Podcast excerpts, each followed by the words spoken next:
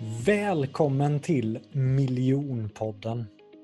Det finns tusentals föreläsare, coacher, konsulter där ute, men bara ett fåtal kan faktiskt försörja sig på det. Så frågan är, vad är det de personerna gör annorlunda? Varför lyckas vissa personer som föreläsare eller coach och vissa misslyckas? Det jag vill beröra i den här podden, det är det affärsmässiga med att vara en föreläsare, coach eller frilansare. Hur säljer man in sina tjänster? Hur paketerar man sitt erbjudande? Hur ska man marknadsföra sig själv? Hur ska man approacha sig själv i sociala medier? Hur bygger man varumärke? Detta och mycket, mycket mer kommer jag intervjua några av Sveriges främsta experter inom området. Jag själv, Jonathan Ljungqvist, har 10 års erfarenhet från att jobba i den här branschen och jag har också jobbat för och med några av världens främsta coacher. Så att jag är så taggad och inspirerad att ge dig som sitter här och lyssnar hemligheterna bakom det affärsmässiga med att lyckas som föreläsare, coach eller frilansare. Nu kör vi igång! Varmt, varmt, varmt välkommen tillbaka till Miljonpodden. Och idag sitter jag här med en person som har påverkat min karriär mer än vad han kanske själv förstår.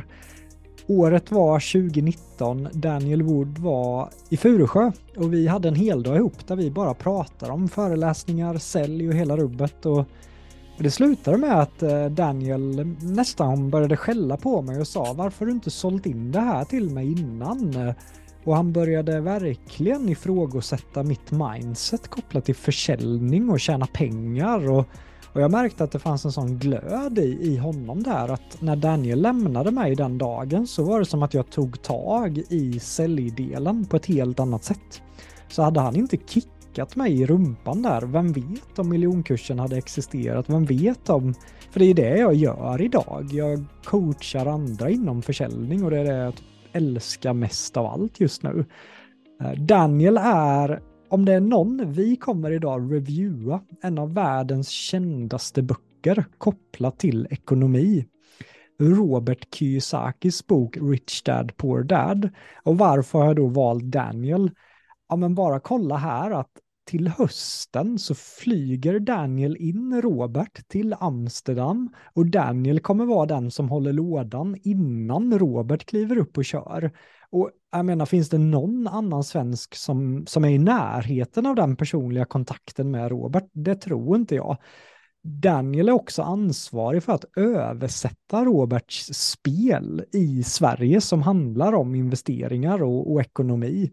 Men han är också partner med Tony Robbins och föreläser mycket via Tony Robbins. Topp 100 föreläsare i Sverige.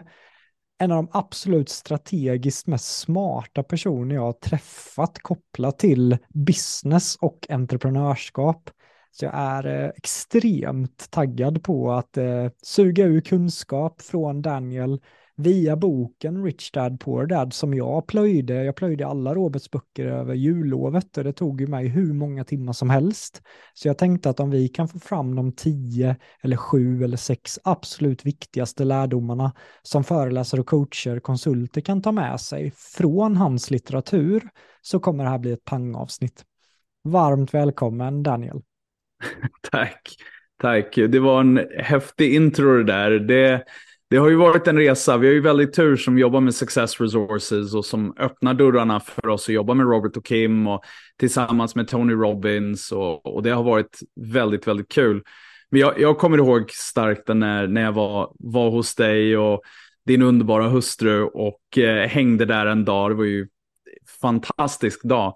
Men det var så kul för att jag insåg ju som föreläsare, för det, det, började ju egentligen med att jag kom för att liksom lära mig av dig och få liksom, feedback. Du hade varit och tittat på min föreläsning när jag föreläste för, i, liksom, å Tonys vägnar. Och eh, du hade ju massa feedback på grejer som jag kunde göra annorlunda och göra bättre. Eh, så, så det var ju en sån naturlig fråga. Att, så, men okej, men om jag tar det här så kommer ju jag vara en bättre föreläsare. Min omsättning kommer öka. Mina resultat kommer öka. vi hade känt varandra, jag vet inte, ett, två år innan dess. Så det var så här, var, varför har du hållit in på den här kunskapen? Vad, liksom, vad är grejen? Eh, och det var kul, för din mentor på den tiden hatade ju att sälja. Han var lite så här klassisk svensk. Man, man vill ju inte gå ut och, och sälja sig själv för mycket.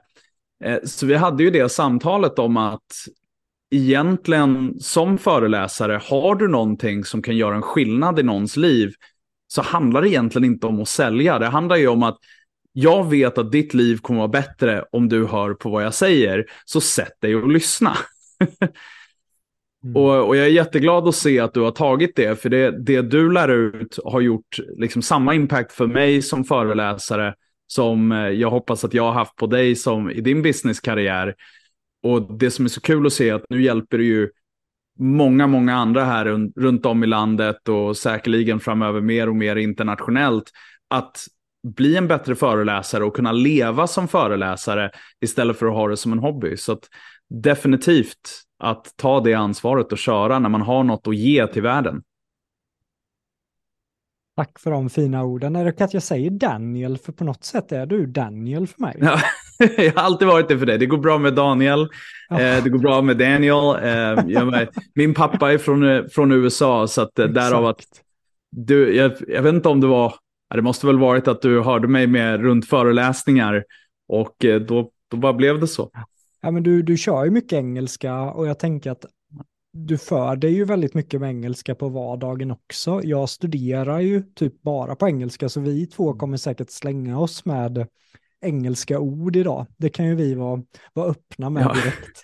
Jo, men det blir ju så. Det är ju, jag pratar ju engelska med barnen, men också när jag är ute och föreläser. Ibland, det känns ju lite roligt ibland när jag kommer. Jag, menar, jag var och föreläste i Stockholm här för ja, en månad sedan. Alla i rummet var liksom svenska. Alla kunde flytande svenska. Jag kunde flytande svenska, eller kan fortfarande flytande svenska. Vi, jag liksom välkomnade alla vid hand med, med liksom hej Daniel, välkommen. Men sen när jag gick upp på scen så skulle jag ju föreläsa för Tony Robbins i och med att han kommer till Birmingham här i sommar. Och då, då måste jag föreläsa på engelska för han föreläser på engelska. Så jag, kan, jag får inte gå ut och dra hans budskap på svenska för att då om de ska komma och se honom live så kanske de inte har rätt förståelse. Så att han, jag har fått det kravet på mig att det ska vara samma språk. Och, och så att det, det, blir lite så ibland. Jag kommer och här, till en svensk publik, alla vet att vi alla kan svenska och sen måste jag ställa om och köra på engelska. Så att det kommer nog säkert vara, vara lite så här idag också. Ja, men så var det ju verkligen och jag kommer ju aldrig glömma när jag såg dig pitcha i Göteborg. Du hade mm. kört. Tonys dragning där och eh, sålt in UPW som mm. jag är evigt tacksam att du sålde in, för UPW skulle ju komma och förändra hela mitt liv. Det var ju där jag lärde mig priming och det botade mm. ju min prestationsångest, så att eh, tack för att du sålde till mig där, Daniel.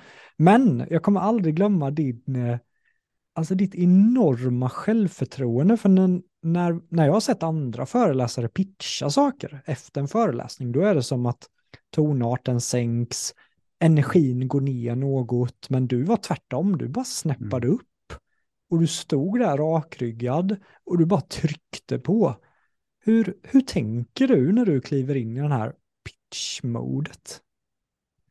Det är en jätteintressant fråga och jag tror att det viktiga är först och främst att du måste ju tro på det du säljer. Sen, sen tror jag att det viktigt är, det jag alltid försöker göra under föreläsningens gång, är att få inköpet från publiken att jag kommer att sälja i slutet. Ni vet det, jag vet det, alla är nöjda med den situationen. Det gör att när jag väl kommer till pitchen så är det ju inte den här ja, nu, liksom, nu föll andra liksom, skon ner. Nu, nu, liksom, nu kom sanningen om varför vi körde en föreläsning. Det är för att jag vill sälja. Utan jag är tydlig med det redan i introt. Att så hej, jag är här och Tonys vägnar. Eller jag är här och Robert Kiyosakis vägnar. Eller det här är varför vi är här idag. Jag kommer att ge er liksom, lärdomar och insikter och värde från de här föreläsarna. Och i slutet kommer jag ge dig möjligheten att åka och träffa dem och se dem live. Det gör att liksom, jag behöver ju inte skämmas, det är ingen som är chockad. Det är liksom, energin i publiken får inte den här dippen eller den här, det här arga surret du kan få när du, när, när du gör någonting de inte tycker om eller förväntar sig. Det har jag liksom tagit bort. Mm. Det gör att det är lättare för mig att naturligt gå in i säljet. Och sen är det just som det vi pratade om, är ju att det jag säljer, och nu, nu är vi ju svenska här, så att jag behöver ju lyckligtvis inte sälja mig själv, utan nu får jag sälja Tony, jag får sälja Robert. Vilket gör ju att det är ju så lätt att gå upp och säga, du ska få åka på Tony Robbins. Och, och, jag har ju, alltså, vi har ju haft ungefär tusen pers som åkt över och sett Tony live. Och jag har ju så många stories från folk som dig själv som säger, tack vare att jag åkte så ser mitt liv ut så här. Tack vare att jag var på det här eventet så ser mitt liv ut så här. Och det är både i relationer, det är hälsa, det är karriär, det är liksom spirituell utveckling, liksom alla delar av livet. Vilket gör ju att det är ju kul att sälja om jag lyckas sälja till alla i det där rummet så vet jag att jag har gjort alla i det rummets liv bättre.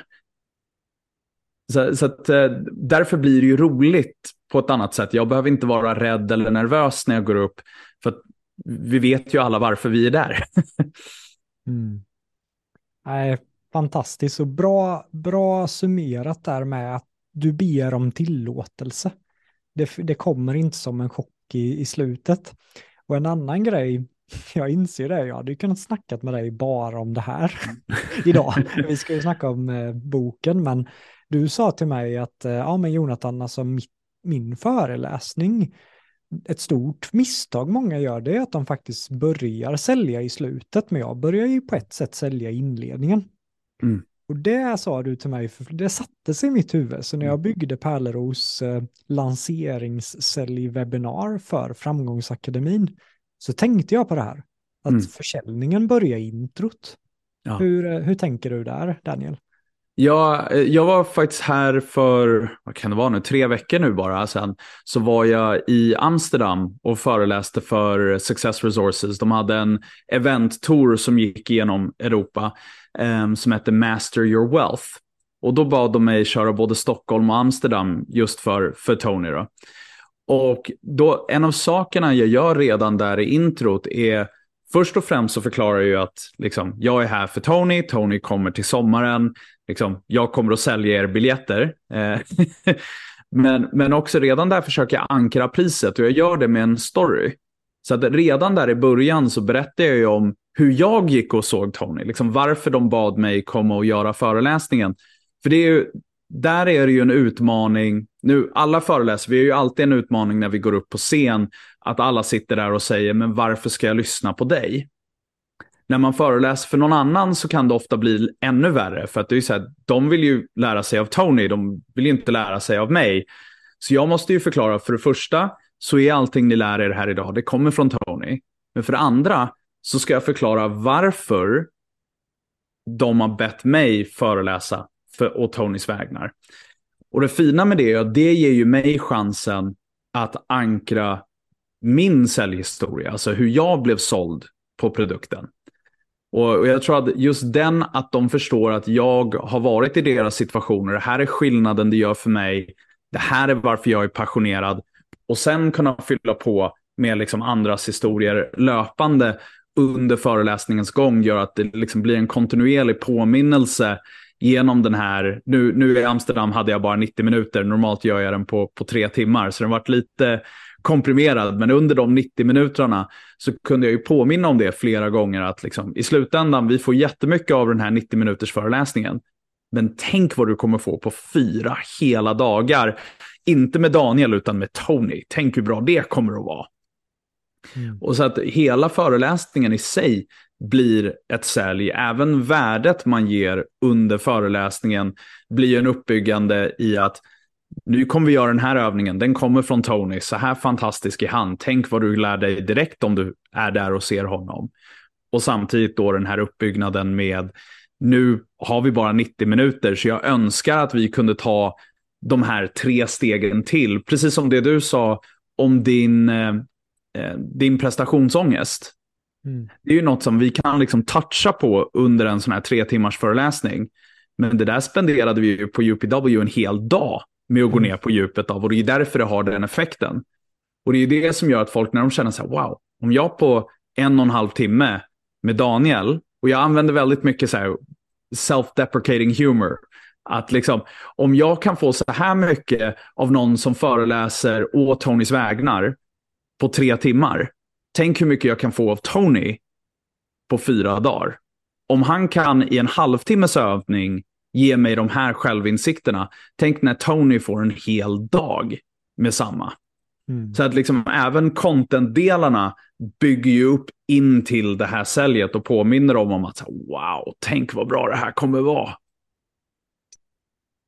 Snyggt alltså. Det känns ju som att du och jag hade kunnat gjort ett review-avsnitt på UPW eller på någon ja, Den hade varit kul. Ja, den hade också, för att du vet om du börjar, det vet ju alla mina lyssnare hur fullständigt frälst jag är i i Tony Robbins. Ja, vi ska göra det i så fall efter nu. Jag ska ju dit för första gången. Nu har ju inte Tony gjort några live UPWs, det har ju varit virtuellt. Men nu 21 till, eller 20 till 23 juli så är, så är han i Birmingham och då åker jag över tillsammans med vi ungefär 140 av våra kunder som åker över mm. och kommer se det. Så att efter det så kan jag definitivt köra en sån, för då kommer jag vara sådär ordentligt nyfrälst igen. Ja. och, ja, och sett det. Det kliar ju fingrarna, även om man har varit på det en gång så är det som att varför inte åka igen? Ja, det blir min femte nu, så att det, det, det är bara att köra. Det, det, men det är lite som, jag hade en period när jag var, jag måste ha varit runt 18-20 någonting. Men då gjorde jag så att jag läste en bok varje kvartal. Samma bok. Eh, nu tyvärr är det inte boken vi ska reviewa idag, det hade varit en sjukt snygg segway. Men det var Seven Habits of Highly Effective People av Stephen Covey. Och det som var så kul var, varje gång jag läste den här, jag gjorde det under en två års tid, så jag läste den liksom åtta gånger. Varje gång jag läste det så kändes det som en helt ny bok. Jag hade aldrig läst den här förut, för att jag hade utvecklat så mycket under det kvartalet, att när jag tog in budskapen så var det helt nytt. Och samma sak känner jag när jag åkt på, för innan covid så åkte jag ju på UPW varje år. Och varje gång så har det ju liksom, det är som en, eh, liksom som att skala en, eh, vet du, en onion, en, eh, en lök heter det på svenska. Skala en lök och man kommer liksom längre och längre in i det varje gång. Så att jag har mm. verkligen saknat att kunna åka, så det, det är på tiden att komma igen. Snyggt alltså, jag håller helt med där. Och jag gick ju David Phillips eh, wow-kurs 20 mm. gånger, men det var ju också, det var mitt jobb, jag var instruktör mm. där. Men det var som att varenda wow-kurs, min hjärna sög åt sig en modul per kurs, mm. medan alla andra fick ju då 12 ja. på en. Men, men jag var så här six human needs när jag lärde mig det. Mm. Då var ju det helt, det var det enda jag snackade om i en månad. Jag ankrade mm. det och sen nästa wow-kurs bara, åh, värderingar. Eller hormonerna. Eller det här. Eh, så bara repetera, repetera, repetera. Till slut sätter det sig.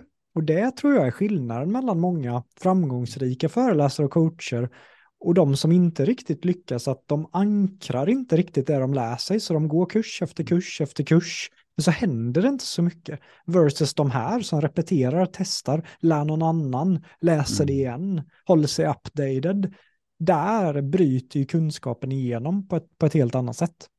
Ja, men det tror jag du är helt rätt i. Går man, ta den wow-kursen till exempel då. Varje gång, alltså om du bara går den en gång så kommer du ju ta in lite från modul 1, lite från modul 3, lite från modul 7 och så lite från modul 12. Och så var det det. Men om du går den som, som du gjorde igen och igen och igen, varje gång så får du säga, vänta här nu, modul 2 hade jag ju helt missat. Det var ju bra. Och det häftiga är att när du har tagit, i och med att det blir ju en mellanrum mellan, jag menar, det är ju inte så att du går en dag efter dag, utan då hinner du ta det du lärde dig från första gången, sätta det i verket, spela, mm. liksom, spela det nya spelet som du har lärt dig spela, få mm. feedback, gå tillbaka och säga okej, okay, vänta här nu, vad gjorde jag rätt, vad gjorde jag fel? Och så liksom blir det här rinse and repeat och om och om igen. Så det, det är super, super värdefullt. Och det, jag tycker hela det, för det blir en bra brygga in i boken. Mm. För Robert då i Rich Dad Poor Dad, han pratar ju mycket om work to learn, not mm. to earn. Mm. Det kan jag inte säga på svenska märkte jag. alltså just att, att också jobba för att lära sig. Jag kommer ihåg vissa mm. wow-kurser att eh, David behövde ju inte ens mig där, men jag ville vara mm. där. Mm. Jag ville lära mig, jag ville vara där och hjälpa till och bakom kulisserna se när topp 8 i världen gör sin grej, ta anteckningar. Mm. Alltså jag var ju lika hungrig varje gång. Men eh, alltså jag gjorde det ju gratis flera gånger för, att, för jag mm. lärde mig så mycket och jag visste att långsiktigt så kommer det här gynna mig väldigt, väldigt mycket. Vad är dina takeaways på just det citatet som Robert pratar mycket i sin bok med att faktiskt hitta arbeten också för att lära sig skills, inte bara att hitta arbeten för att tjäna pengar. Mm. Och, och det, här, det, det, som är intressant, och det här går till hela kärnan i boken, och vi kommer ju prata mer om det här med, liksom, Rich Dad Poor Dad handlar ju om att bli ekonomiskt fri. Det är hela poängen med boken. Men det som är häftigt med det är ju att när du har en ekonomisk styrka, vare sig det kommer från att du har ett företag som genererar intäkter eller investeringar eller att du är en framgångsrik konsult, var nu än kommer ifrån, då kan du ju också ta dig tiden och göra det. Men hade du haft ett heltidsjobb för att betala räkningarna och liksom, om du inte får in de pengarna så, så kan inte du betala räkningarna. Då hade inte du haft möjligheten att jobba gratis på samma sätt. Men du hade ju liksom tagit dig till en nivå där, jo men jag kan ta de här dagarna och jobba gratis för att jag har den möjligheten. Och jag tror att det, det, är mycket det som Robert och Kims bok handlar om. Jag, jag kommer referera mycket till Kim också, för Kim mm. Kiyosaki är egentligen hjärnan bakom väldigt mycket av det här. Det är bara att för, boken skrevs på 90-talet i USA, vilket gör att det var mycket bättre att ha en man som, som frontfigur. Men det är faktiskt Kim som är vd för Rich Dad-organisationen. Och det är hon som sköter om hela deras portfölj på 3000 fastigheter. Så att, ehm, och det är hon jag känner bäst för den delen själv också. Snyggt, jag lägger till det. Det är ju, är de fortfarande eh, gifta, Robert och Kim, eller jag har läst något om att de har separerat. Ja, där, där, vi ska inte gå in för mycket i gossip på det. Jag, okay. det, jag har fått höra delar, delar där, men vad jag förstår så har de separerat. Sen ska vi inte djupdyka i the gossip ja, det, behind it. Det är bra it. att du markerar, du vet en nyfiken poddare Daniel. Precis, precis. Men det var en bra poäng där du sa där ju att eh, boken handlar om hur man blir ekonomiskt fri. Boken handlar om pengar och vad man kan göra för att också skapa passiva intäkter, hur man ska tänka när man har tjänat pengar framför allt. För många i mina kurser nu, de fokuserar ju på att tjäna miljonerna. Men där då? Vad händer mm. när man har tjänat miljonerna? Hur kan man sätta de miljonerna i arbete så att du kan leva ett gött liv och kunna ta jobb ibland gratis mm. bara för att lära dig skillsen? Och det är det hela boken bygger på. Ja, alltså kärnan i boken och det här är det som det var banbrytande då och det är det fortfarande för många för det här har vi ju inte lärt oss i skolan. Det, det är liksom, vi får inte en ordentlig ekonomikurs i skolan när det kommer till privatekonomi. Så det här är en extremt värdefull insikt. Sen ska vi prata om lite det liksom, som ligger bakom och det boken inte har kunnat gå in på djupet på. Men det enkla är att deras hela filosofi handlar om att du ska skapa dig tillgångar och, min och ha så få skulder som möjligt. Eller om du ska ta på dig en skuld så ska den skulden vara för att den då också genererar dig en större tillgång. Och nu är definitionen av tillgång och skuld väldigt enkel i boken. En tillgång är något som ger dig pengar varje månad. Period. Nu är det så här, och viktigt nu, så här, igen, du, många här är ju liksom konsulter och jobbar som föreläsare. Du är ju en tillgång men när vi snackar tillgångar i Rich Dad Poor Dad så är det saker som ger dig en inkomst vare sig du jobbar eller inte. Så det kan vara en aktieportfölj, det kan vara en fastighet, det kan vara liksom någonting som genererar en passiv inkomst till dig.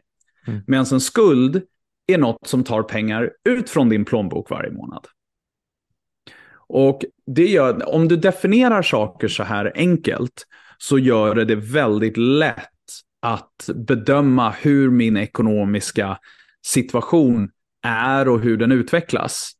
Så en av sakerna den säger, och det här kan nog vara någonting för många som har gått dina kurser och har de här framgångarna och liksom går från att kanske inte, alltså så här, precis kunna vara föreläsare och göra det på en hobbyverksamhet till att nu helt plötsligt sitta och vara miljonär tack vare att de är en framgång föreläsare, vilket är ju helt underbart, vilken resa. Men nu, vad gör man då när man helt plötsligt sitter och rullar i miljoner? Ja, men nu ska jag ju köpa min Tesla. Eller en Lamborghini, eller en röd Ferrari såklart. Det ska vara ett större hus med pool och jacuzzi och så ska vi ju resa flera gånger per år. Allt det där är ju skulder. Det är liksom, större huset kostar mer varje månad. Finare bilen kostar mer varje månad. Liksom allt det här, det, det drar ut. Så att i Rich Dad Poor Dad synvinkel så har din ekonomiska situation gått från att vara, kanske så här, du hade nog inte så mycket utgifter, du hade inte så mycket tillgångar, till att nu har du jättemycket utgifter, du har jättemycket skulder, men du har fortfarande inga passiva in, liksom, tillgångar och intäkter, utan du har bara, bara, jag menar, det är jättekul att du är miljonär som föreläsare, men det är det enda benet du nu står på.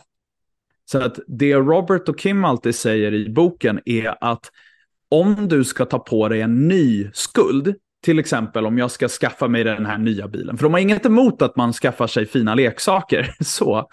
Men säg att jag ska ha den här nya bilen, då tittar jag på vad kommer den här bilen att kosta mig varje månad?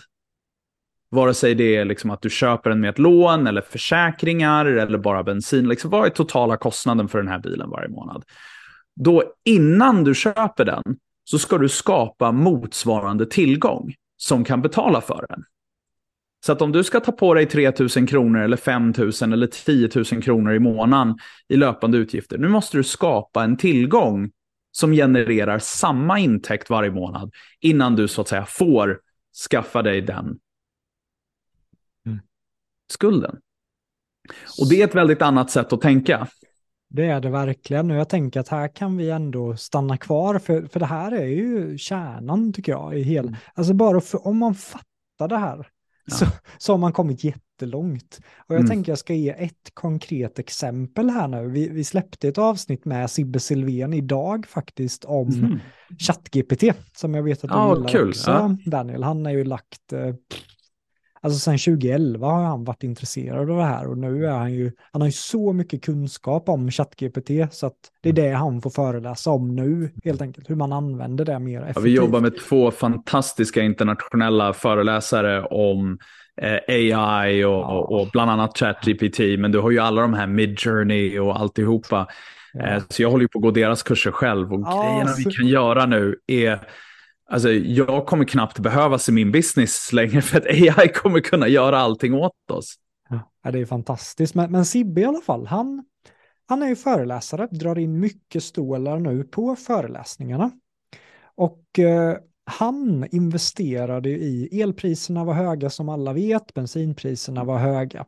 Och vad gör då Sibbe? Jo, han investerar i solceller på hela huset, hela garaget. Mm. Eh, och det här kostade flera hundratusen och det var ju inte, han tog ett lån för att mm. finansiera de här solcellerna på taket. Men nu då, så la han ju upp för några dagar sedan. Bilen är laddad med solcellerna, bara elbilen. Mm.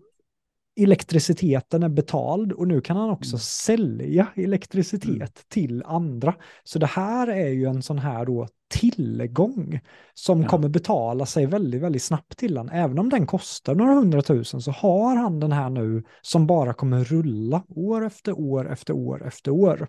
Mm. Jämfört med om Sibba hade lagt 300 000 på en swimmingpool mm och en jacuzzi som drar el så är det en skuld som hade kostat honom pengar. Men nu efter några år kan han säkert köpa en swimmingpool med det som betalas tillbaka genom att sälja el och inte behöva betala för bensin. Och då är man ju in line med det här. Det du gör där som jag tycker är intressant också i det här exemplet, för nu tog du ett perfekt exempel på någon som tar på sig en skuld för att skapa sig en tillgång också. Mm. För där blir det ju intressanta är ju att när du har då den här intäkten eller den här tillgången så kommer ju den nu börja betala av den här skulden. Så skulden kommer ju ta slut innan tillgången. Nu, jag menar, solceller kommer ju inte funka för alltid. Jag tror att de har mellan 20 och 50 års liksom, förbrukningstid beroende på varumärke och så. Men det gör ju att långt innan de är förbrukade så kommer ju det här ursprungliga lånet nu på 300 000 eller vad det nu blir vara, vara betalt. Och, och han kommer helt plötsligt bara ha en tillgång. Det gör ju nu att om han nu vill ha poolen mm. så kan han ju ta ett nytt lån på 300 000, låta den här tillgången betala av det lånet också och så har han fått poolen så att säga gratis. Mm. Och sen när den skulden är avbetald, men då kan han få nästa leksak baserat på den här tillgången. Så det är ju det som är tanken. Istället för att lägga de 300 000 på att köpa poolen direkt, så gör han att nu har han en tillgång som gör att nu kan han köpa någonting för 300 000 var femte eller var tionde år. Så har han en löpande sån tillgång att köpa.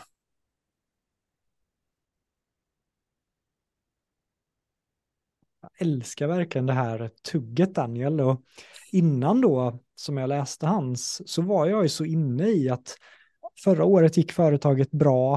Eh, vi har köpte ju det här fastigheten för två år sedan. Vi köpte mm. förresten huset som var tvärs över sjön, Daniel, som jag Aha, den vi tittade på. Så, som ah. jag sa att där skulle jag vilja bo, pekade mm. jag i 2019 och mm. pratade lite om det och sen dök möjligheten upp så vi, vi köpte det. Men det här huset är ju också verkligen, jag vet ju att Robert pratar i det, att många tror ju att ett hus är eh, en tillgång. Men det behöver ju verkligen inte vara så, utan en hus kan faktiskt vara en skuld också. Men fördelen med den här fastigheten, det är ju att det ingick två andra fastigheter som vi kan hyra ut. Mm. Så när elpriserna inte är på skyhöga nivåer som i december, eh, då går jag Amanda mer eller mindre plus minus noll på att mm. bo här och att betala av amorteringen, vilket jag ser som fantastiskt verkligen. Ja, det är riktigt, riktigt bra. Och jag menar, det som är mycket i boken, jag menar, Robert och Kim, de, det är ju ett väldigt enkelt budskap.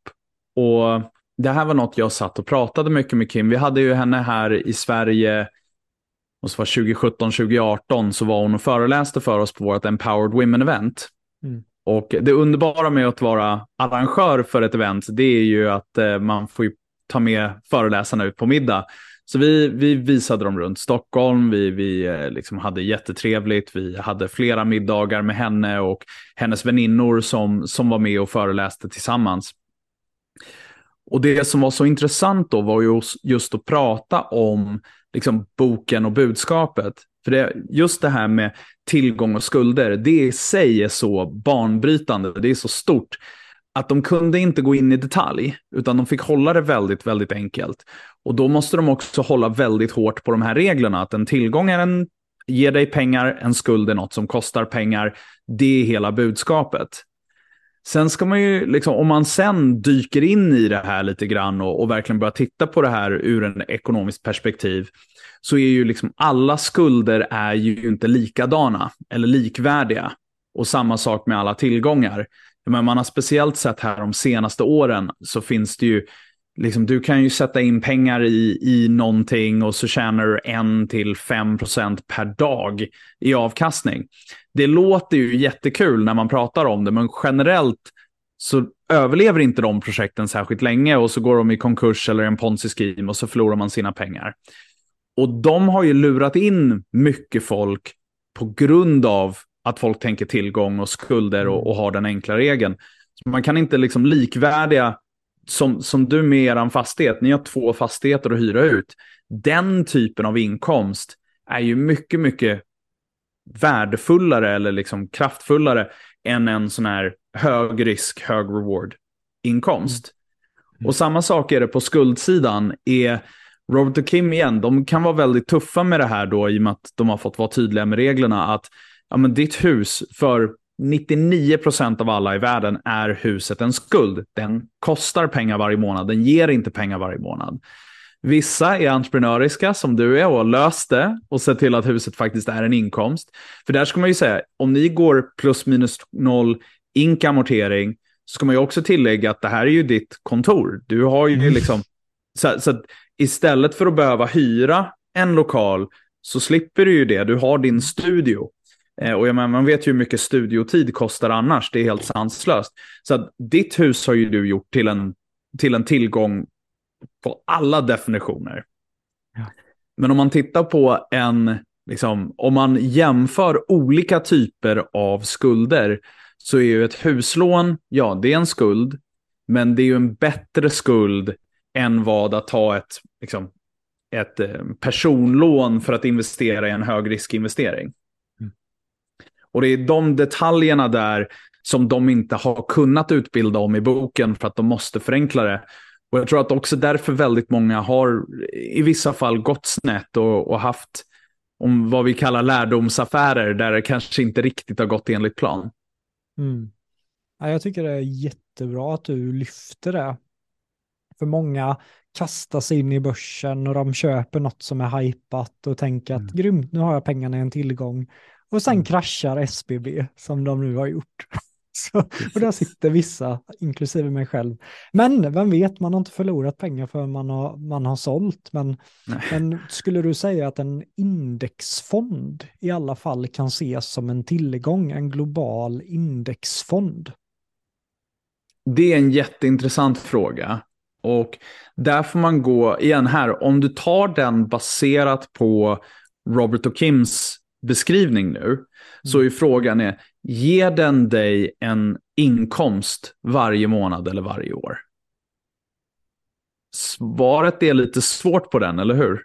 Det är jättesvårt, för jag menar, det sägs ju att en index höjs runt 7% per år, men så behöver det ju inte vara. Och de 7 procenten vill man ju helst bara återinvestera där. Så det är inte så att som med husfastigheterna här så kommer det in pengar på kontot. Det gör det ju inte riktigt via börsen på det sättet, om man inte köper utdelningsaktier då vill säga.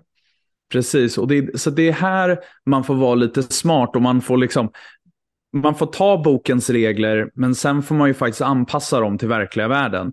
För om man tittar på bokens regler så nej, egentligen är ju inte en indexfond en, en tillgång, för den genererar ju inte pengar som hamnar i din ficka. Det är ju det de pratar om hela tiden, the money should be in your pocket, du ska kunna liksom få det. Det innebär att du måste sälja av andelar av din indexfond för att få pengarna.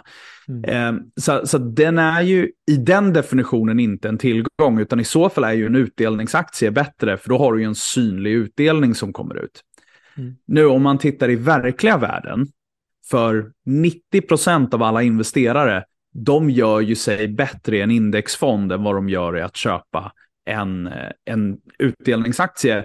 För att, och det är samma, Warren Buffett säger ju det, att om inte du har tid att sitta och läsa årsbokslut och, och liksom kvartalsrapporter i flera timmar varje dag, så ska inte du röra individuella aktier, utan du ska köpa en indexfond med så låga avgifter som möjligt och bara köra på det.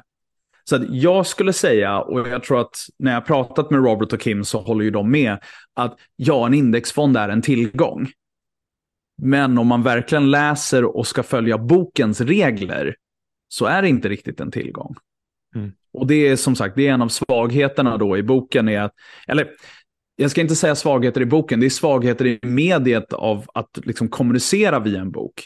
För när du ska kommunicera ett, ett budskap via en bok så måste du göra det enkelt nog för alla som läser boken att förstå och kunna greppa hela konceptet. Mm. Och då måste du ha liksom en uppsättning enkla regler som alla kan följa. Men det kommer alltid finnas detaljsituationer där, nej men vänta här nu, de här reglerna, just i den här situationen så är de inte rätt. Mm.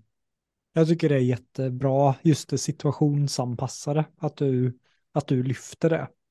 Men om vi summerar ihop säcken på just den här, om du får en buffert med pengar och ska lägga dem på någonting, fundera ett extra varv att om jag köper en Tesla, även om det går bra det här året, vad händer om det går sämre nästa år och ännu sämre tredje året? Vad händer då? Att verkligen tänka mer i tillgångar. Kan jag köpa fastighet? Jag kanske kan hyra ut ett rum i källan. Jag kanske kan köpa en paddelbana och hyra ut det. Hur mycket pengar lägger jag själv på paddel varje år? Det är den här summan. Shit, då är den här betald inom sju år. Att tänka mer i, i tillgångar. Vad kan växa? Jag personligen har ju mycket i, i index. Och, och sen har jag några, det här lärde jag mig av Jan, Jan Bolmersson, att jag har en ungefär 20% av min ekonomi som jag har investerat i högrisk. Och för mm. mig är Tesla till exempel högrisk. Mm. Men där har jag en hel del. För mig är bitcoin och ethereum högrisk. Men jag har mm. en del för att uppsidan kan ju slå till. Men det här är pengar som jag är helt beredd att förlora. Men mm. jag kan vinna stort där. Vad, vad, känner du där Daniel? Är det rätt eller fel att jag tänker på det sättet? Ja, alltså det viktiga är ju också att investering ska vara kul. Mm. Alltså det kan vara väldigt tråkigt att sitta med index och tänka jag kommer tjäna 7-10% per år. Det är liksom när du då sitter och liksom planerar ut det här så är det så här, ja, någon gång om 40 år så kan jag anse mig själv förmögen. Yay! Eh, liksom, det, det är inte en jättemotiverande bild så. Eh, men jag hade ett jättebra möte med, med en kund som, som ville gå en av våra utbildningar, eller en av våra partners utbildningar, just om det här med att investera. Och det jag sa då att liksom, det första du ska göra är att skapa din så att säga tråkiga plan. Titta på, liksom, planera ut nu, om du med den intäkten du har, om du sparar i investeringar det du kan, i tråkiga investeringar, hur lång tid tar det då innan du har tillräckligt mycket att känna att du är finansiellt fri. Och då liksom satt hon och räknade så här och så, så var det någonstans 30-40 år till att hon är finansiellt fri. Och hon var i 30-årsåldern, så det var så här, ja, men då är jag ju ändå pensionerad. Och så här, ja, nej, det var ju inte jättekul, det är därför det här är tråkiga planen. men, men vad det innebar var att nu har vi en deadline. Det innebar att jag tror att hon skulle vara 61 när hon var liksom finansiellt fri. Så att i hennes fall så är det så här, worst case scenario, om hon bara kör på sitt jobb, lägger undan lite pengar varje månad, så är hon ekonomiskt fri vid 61. Nu innebär det att allt annat hon gör, varenda extra intäkt hon har som hon kan sedan lägga mot det, gör att den här tiden kommer att komma närmare. Och då kan det ju vara väldigt kul att köpa bitcoin eller ethereum eller Tesla eller investera i en startup eller någonting annat som kan vara kul. För att ja, men om det inte går bra, fine, det gör ingenting, för det var inte en del av min planerade, det jag skulle lägga undan. Det har jag redan lagt undan i den tråkiga planen. Men säg att, eh, säg att din startup du investerar i, du lägger 10 000 kronor och den går fantastiskt bra och så cashar du ut och får en mille. Nu sätter du in det till den tråkiga planen och helt plötsligt så går det från 61 till 54. Ja men vänta här nu, det var ju lite kul. Och så gör du någonting annat, du kanske startar ett företag eller köper en paddelbana eller vad, vad du nu gör. Och varje sån extra grej du gör gör att den så att säga tråkiga, din worst case deadline kommer lite, lite närmare hela tiden. Så att om du gör det via en 80-20-regel, om du gör det via Eh, JAR System som eh, en av våra partners, eh, ehm, T. Harvecker pratar mycket om att lägga 50% av sina intäkter, eller 55% av sin månadsinkomst på sina fasta utgifter, 10% på utbildning, 10% på eh, att ha kul, att faktiskt njuta av livet, 10% för att liksom spara för att spendera, det vill säga på saker som resor eller att köpa den där poolen. 5 eh, på välgörenhet, där tycker jag, Robert och Kim att man ska lägga 10% men att man lägger 5% på välgörenhet, jag har säkert glömt någon nu, men, men med den stilen och liksom lägga upp det så, om man vill. Ja, just såklart, investering, 10% på investering också. Mm. Så att det är ett annat metodik att göra det på och då kan du ta den där investeringsbudgeten på 10% och så lägger du 80-20 eller 20-20-20-20 i fem olika typer av tillgångar. Eller vad nu passar dig bäst. Det viktiga är att det är ju lite kul. Men jag tycker också om att sätta den här worst case deadlinen. Så att jag, då, då har jag mitt ljus i tunneln. Jag behöver inte att bitcoin går bra. Jag behöver inte att mina startups går bra. Jag behöver inte köpa en paddelbana. För jag vet att det året så kommer jag att kunna pensionera mig även fast det inte är pensionsålder. Och allt annat jag gör, om businessen växer och det går bättre och jag kan lägga undan mer eller som sagt investeringar går bra, ja, men då kommer det närmare och närmare. Och till slut, i och med att tiden går också, så rör jag mig mot målet. Och kan jag röra målet mot mig, så förr eller senare så möts det. Och nu kanske hon kan pensionera sig vid 40 eller 45. Vilket är rätt coolt. Alltså är det här din metodik? Eller, för det här har inte Robert skrivit om. Eller? Nej, Nej jag, jag, det, det är ju baserat på det vi har lärt oss från att jobba med Robert och Kim, på T. Harv Eker, på Tony Robbins och, och alla de här. Så det är, det är lite av en sammansättning av allas budskap. Men sen är det ju också mina egna lärdomar. var ju att jag tog ju det här från Robert och Kim och sa bra, då kör vi. Tillgångar in, skulder ut eller ta på skulder för att skaffa tillgångar. Och det första som hände var att vi förlorade ungefär 5 miljoner kronor. Bra start. Och därifrån behövde vi sen liksom gräva oss upp ur den gropen. Och det gjorde att jag har blivit lite mer tråkig som investerare. Jag var väldigt villig att liksom skjuta från höften och köra och high risk, high reward, nu kör vi, allt, allt blir bra. Nu är jag ju lite liksom tråkigare och jag säger att okej, okay, kan vi jobba metodiskt, följa de här investmentmodellerna, skapa en plan för att liksom här når man ekonomisk frihet och sen kan man ha kul, för det var ju mycket roligare att skjuta från höften än att vara tråkig. Det är ju jättekul att köpa bitcoin till liksom 20 000 dollar per coin och tänka sig hur häftigt det blir när de är värda 100 000 eller en miljon per coin. Tänk vad rik jag kommer bli. Det är ju mycket roligare än att köpa aktier i ABB och hoppas att de går upp med 7% under nästa år. Mm.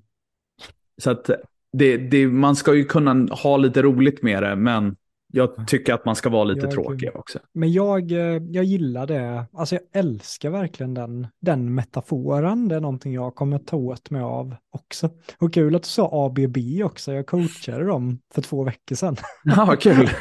Då får du inte säga att jag... Det var, jag, jag du får vara tydlig här, att jag tog ju upp dem som en bra, stabil men tråkig investering, inte som en dålig. Ja, det, exakt, exakt. De har nog rätt gott ställt, ABB, ja. de är ett stort, eh, stort företag. Men eh, om vi hoppar in i, i boken igen så, så bygger den ju mycket på att Robert växte upp med två pappor. Mm. Kan man ju säga. Och hans biologiska pappa var ju mer då åt det här traditionella, du ska ha ett vanligt jobb, ett vanligt jobb ger dig trygghet och då kommer staten ta hand om dig och du kommer få leva en bra pension. Men sen kom ju en annan pappa in i bilden och det vet jag inte exakt hur den pappan kom in, det vet du säkert bättre än mig, men den andra pappan var ju en entreprenör, investerare, pratade mycket om att man ska bli ekonomiskt fri och Robert bestämde sig för att lita mer och, och lära sig av den här entreprenöriska farsan som sen blev stenrik. Mm. Och det var ju där hela Roberts träning och det är där mycket boken kommer ifrån, att vad han lärde sig från sin rika pappa. Och så drar han mycket paralleller mellan den rike pappan och den fattiga pappan som hade ett jätteväl avlönat jobb men ändå var fattig för han hade så mycket skulder och så. Ja, alltså, den, den boken är, den är så otroligt intressant. Och det, det som är häftigt med hur ikonisk den boken har blivit är att det finns ju massa liksom, conspiracy theories runt boken nu. Men hur många böcker har conspiracy theories? Liksom? Det, det är jättehäftigt hur stor den har blivit. Så när jag träffade Kim, så det var en av första sakerna jag frågade henne. Så, men hur mycket av den här historien är faktiskt sann? Och för det som är det, det handlar egentligen om två pojkar. Det handlar om Robert och hans bästa kompis Mike. Och där är det mycket conspiracy theory som säger, är Mike riktig? Finns han? Varför berättar man aldrig vad hans efternamn är? För det är Robert Kiyosaki och Mike. Vem är Mike? Och det är för att, och, och så jag frågade henne och hon sa det, nej Mike är riktig. Ja, vi var ute och golfade med honom bara förra veckan. Men han är väldigt privat. Han vill inte vara i rampljuset på det här sättet. Han har sitt businessimperium. Han tog över sin fars businessimperium och fortsatte bygga vidare och utveckla det. Och han vill inte ha någon som liksom, ja, men han vill inte att det tas upp. Han, han har sitt liv och det är det livet han vill ha. Eh, och det som är intressant där är ju det att Robert då, som, han, som du säger, han, han ser det som att han har två papper. För han och Mike var, var som bröder. Och de hänger tillsammans varje dag. Och ibland är de i Roberts hus, ibland är de i Mikes hus. Och det gjorde att det var så tydligt hur han såg skillnaden mellan papporna. Hans pappa var ju, var ju lärare, han var professor och jätteduktig. Och liksom, han, han hade sina vanliga arbetstider. Han började jobbet vid nio, han var klar till fem. Hans stora mål var att få tenure, vilket betyder att han aldrig kan få sparken och, och ha den stabiliteten. När han fick sin lön eller när han fick sin julbonus, då spenderade han den på saker. Han köpte presenter till sin familj, de åkte på resor, han köpte ny tv, liksom sådana grejer. Liksom. Han, han levde med sina pengar. Mikes pappa däremot, hans arbetsdag började någonstans kanske runt sex på morgonen med möte med byggkillarna i hans byggbolag och gick hela vägen ut till sent på kvällen när han eh, var och hjälpte till i sina restauranger. Så han hade liksom i alla olika businessar, vissa jobbar morgon, vissa jobbar dag, vissa jobbar kväll och han var aktiv i alla de här. Så att i den här definitionen, om man tittar på nästa bok, The, the Quadrants, The Cashflow Quadrants, så pratar man ju mycket om, du har folk som är anställda, som, eh, du har folk som är egenföretagare, du har folk som är företagare och sen folk som är investerare. Och om man säger enligt definitionen i Cashflow Quadrants, vilket är uppföljningsboken, så var ju Mikes pappa då när de var barn, han var egenföretagare. Han hade massa anställda, massa förut, liksom folk som jobbade för honom. Men han var där varje dag, hela tiden, sju dagar i veckan och körde. Och alla pengar han tjänade gick in i företagen för att växa dem.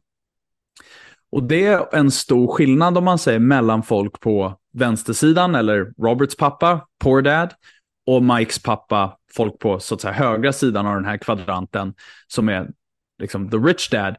Där, det är det att Mm, Roberts pappa spenderade pengarna så fort han fick in dem.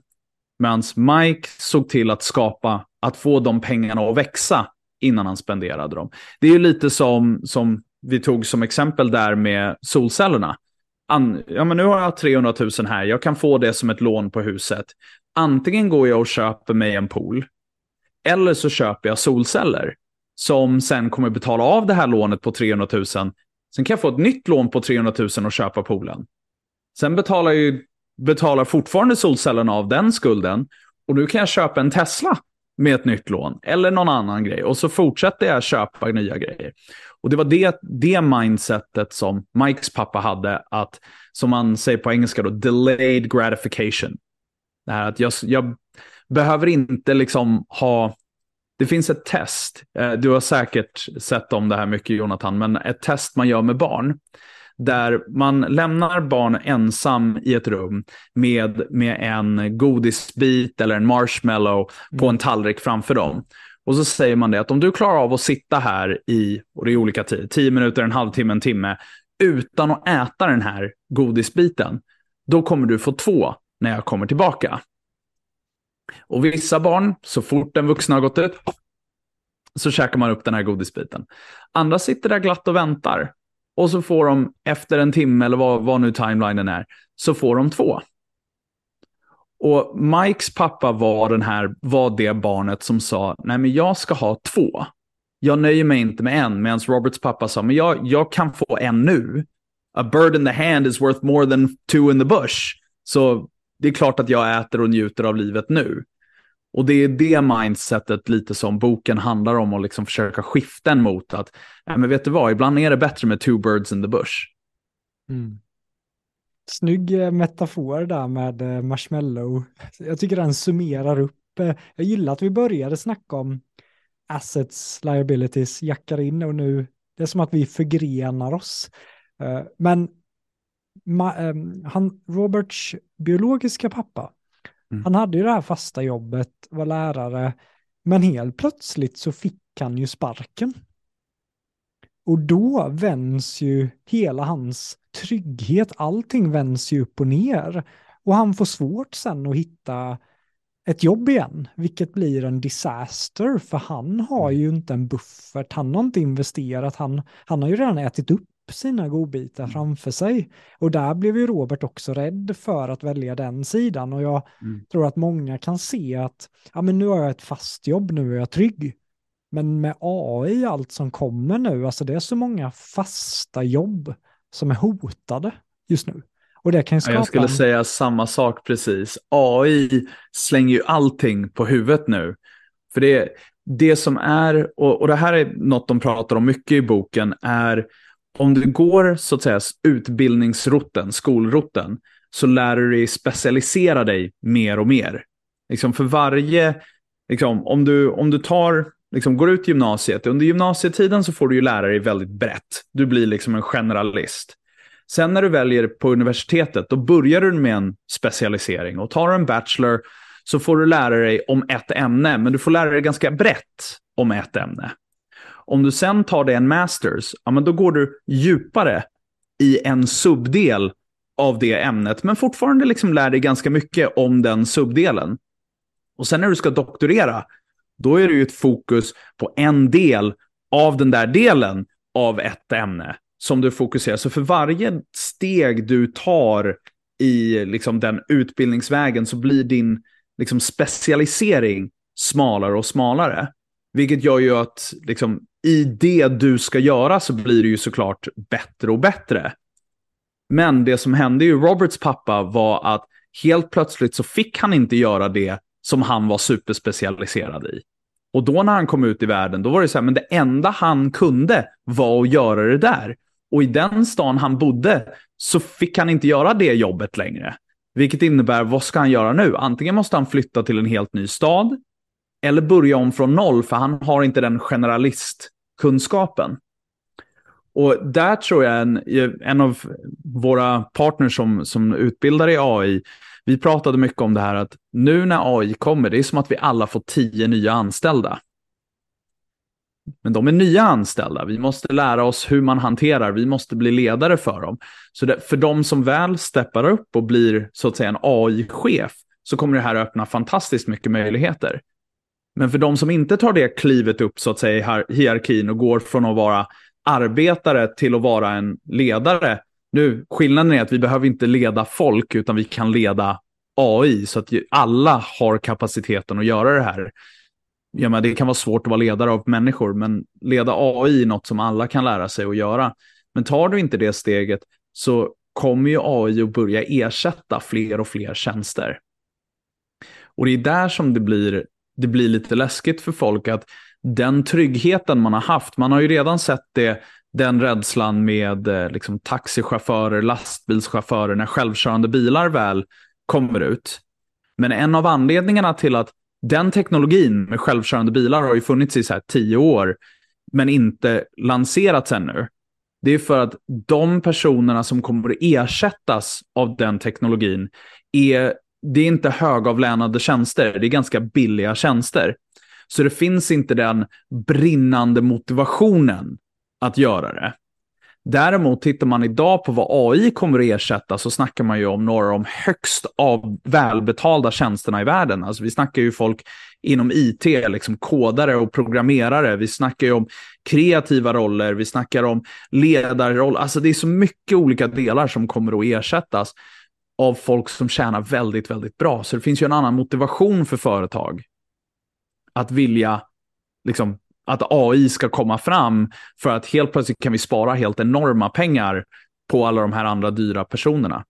Och det gör ju att det blir viktigare än någonsin, för att komma tillbaka till boken, mm. är ju att börja tänka, precis som Mikes pappa där gjorde, och skapa sig tillgångar och skapa sig olika kunskaper och precis som du frågade där i början, att kanske till och med jobba gratis ibland eller till och med gå tillbaka till skolan för att lära sig nya kunskaper för att kunna bli bredare.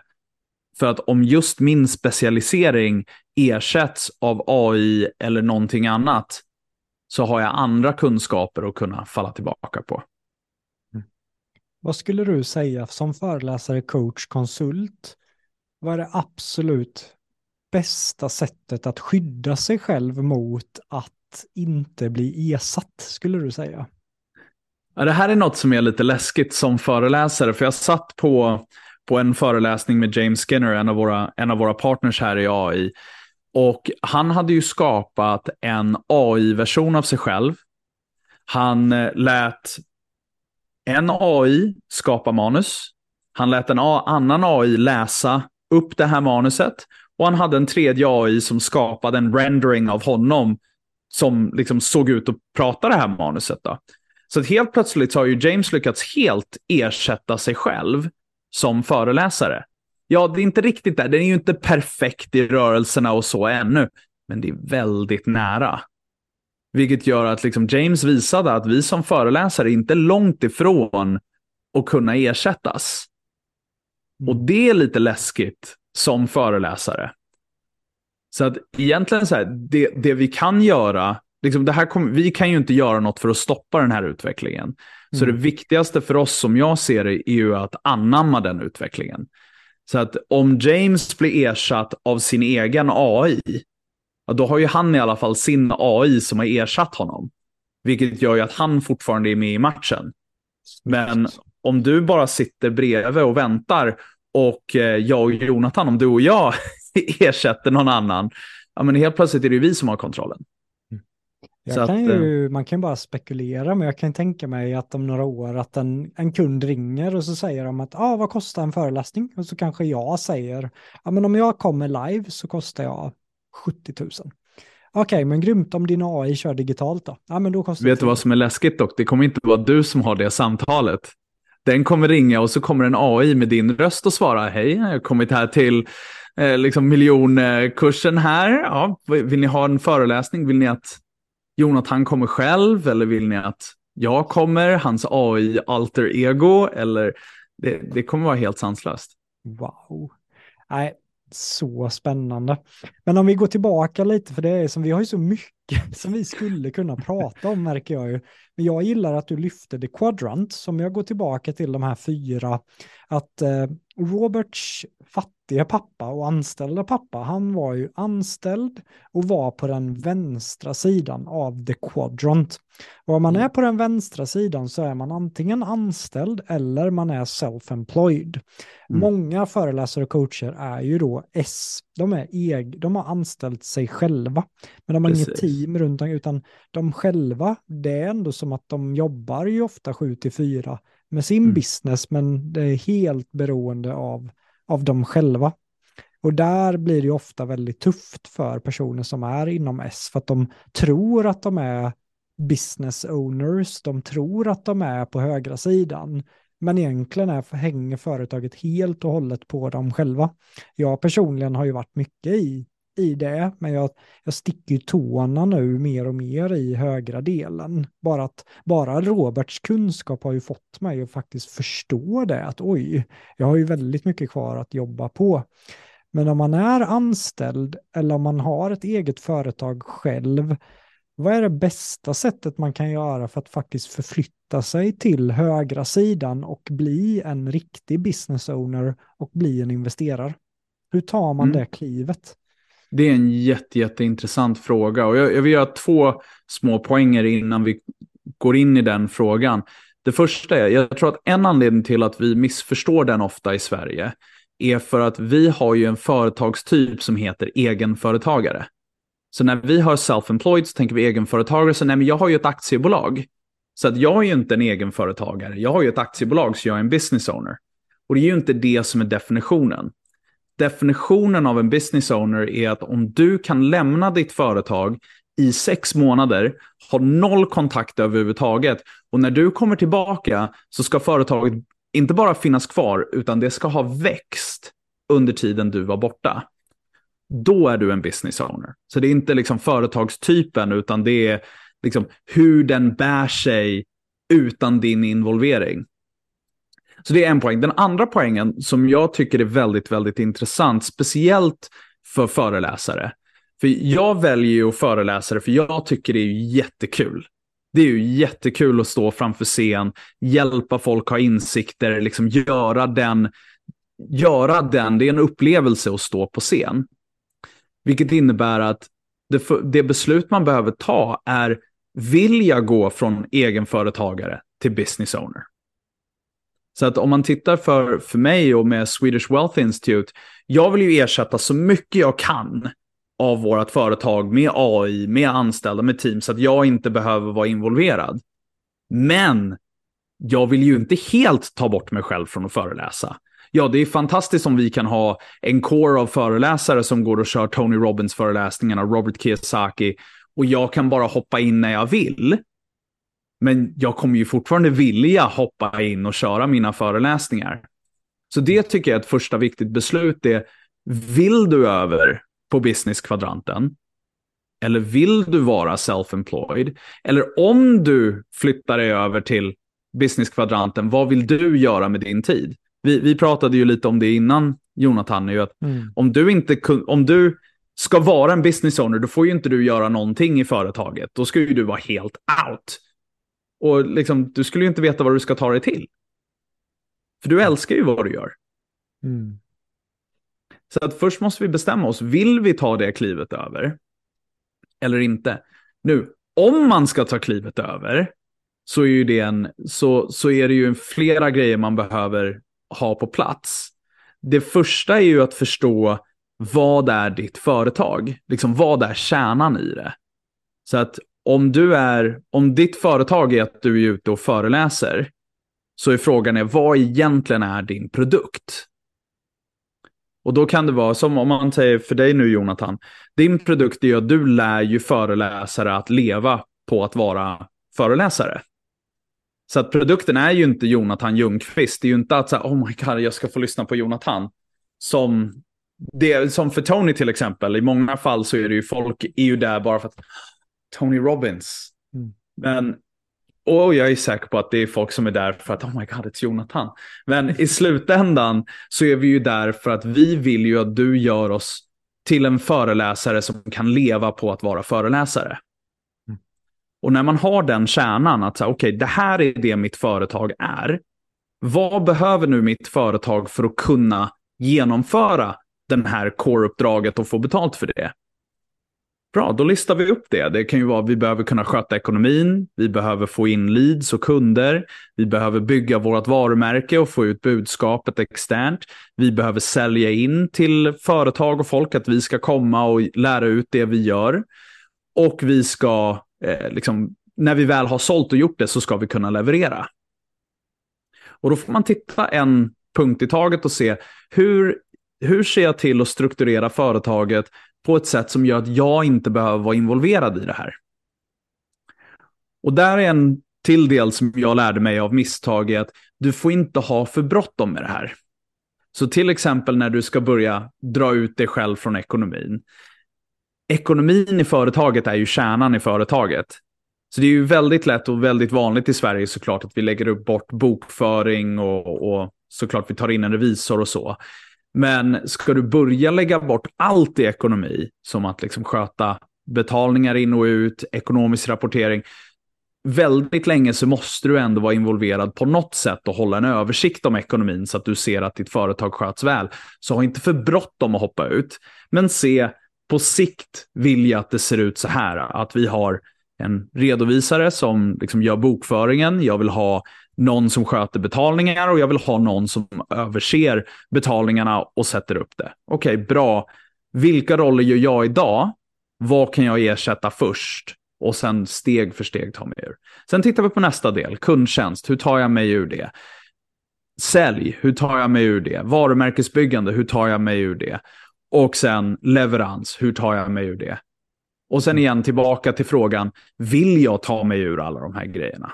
Jag kanske vill vara leveransen. Jag vill, som Tony Robbins, Tony kan ju såklart titta på hur han ska bygga upp sitt företag så att han inte behöver vara där. Men han vill ju vara där. Det är ju hela mm. grejen. Han vill ju stå på scen framför 12 000 personer och ha dem stående och skrikande yes! Det är ju det han älskar att göra. Men då tar ju han bort sig från allt annat. Han, mm. till och med i Birmingham, det är ju Success Resources som fyller rummet med de 12 000. Han och hans företag behöver inte lägga tid på det. Det sköter Success Resources. Mm. Så att han har tagit ut sig ur allt utom det att faktiskt leverera. Så det behöver man ju ta ett beslut om också. Vill jag vara involverad någonstans eller inte? Ja, men jag sitter här och jag har ju pratat länge om att jag mer och mer vill gå åt det hållet, men just den frågan varför vill jag det? Den har jag mm. nog aldrig ställt till mig själv riktigt. Och, alltså skulle jag skjuta ut mig själv helt? Jag vaknade upp idag och jag är sjukt taggad på den här intervjun. Ta en promenad, lyssna lite på Robert, jag kommer lära mig saker. Mot om jag bara hade legat i hängmattan hela dagen. Jag hade blivit Och så har vi en AI som gör intervjun istället. Ja, men exakt. Det har jag ju kollat in här och bara, jag får inte vara med. Så att eh, där får jag en eye-opener. Men jag kollade på Arnold eh, Schwarzeneggers eh, dokumentär på Netflix igår. Och, Just och det. det ja. jag insåg här när du säger det här är att anledningen till att jag vill bli en business owner och skjuta ut mig själv långsiktigt, det är för att jag vill, jag går igång på utmaningen av att göra det. Mm. Så att jag sen också kan hjälpa andra med det. Och när jag har gjort det, då kommer jag på samma sätt som Arnold lever i cyklar. Han var en idrottare, han var en eh, skådespelare såklart och sen blev han en politiker och han lever i cyklar. Så har ju mitt liv också sett ut med idrottare, sen var jag äventyrare. Och sen Mm. när alla trodde att du kan bli den nya Göran Kropp, nominerad till årets äventyrare i Sverige, gjorde ganska sjuka grejer. Alltså gaten var ju öppen för mig att kunna dominera som äventyrare i Sverige, men där byter jag bransch helt och hållet, blir retoriker. Och folk bara, Mm. vad håller du på med? Och exakt Mm. så var det med innebandyn också. Att jag var i smålandslag och bara, du ska bli i landslaget, så där slutade jag.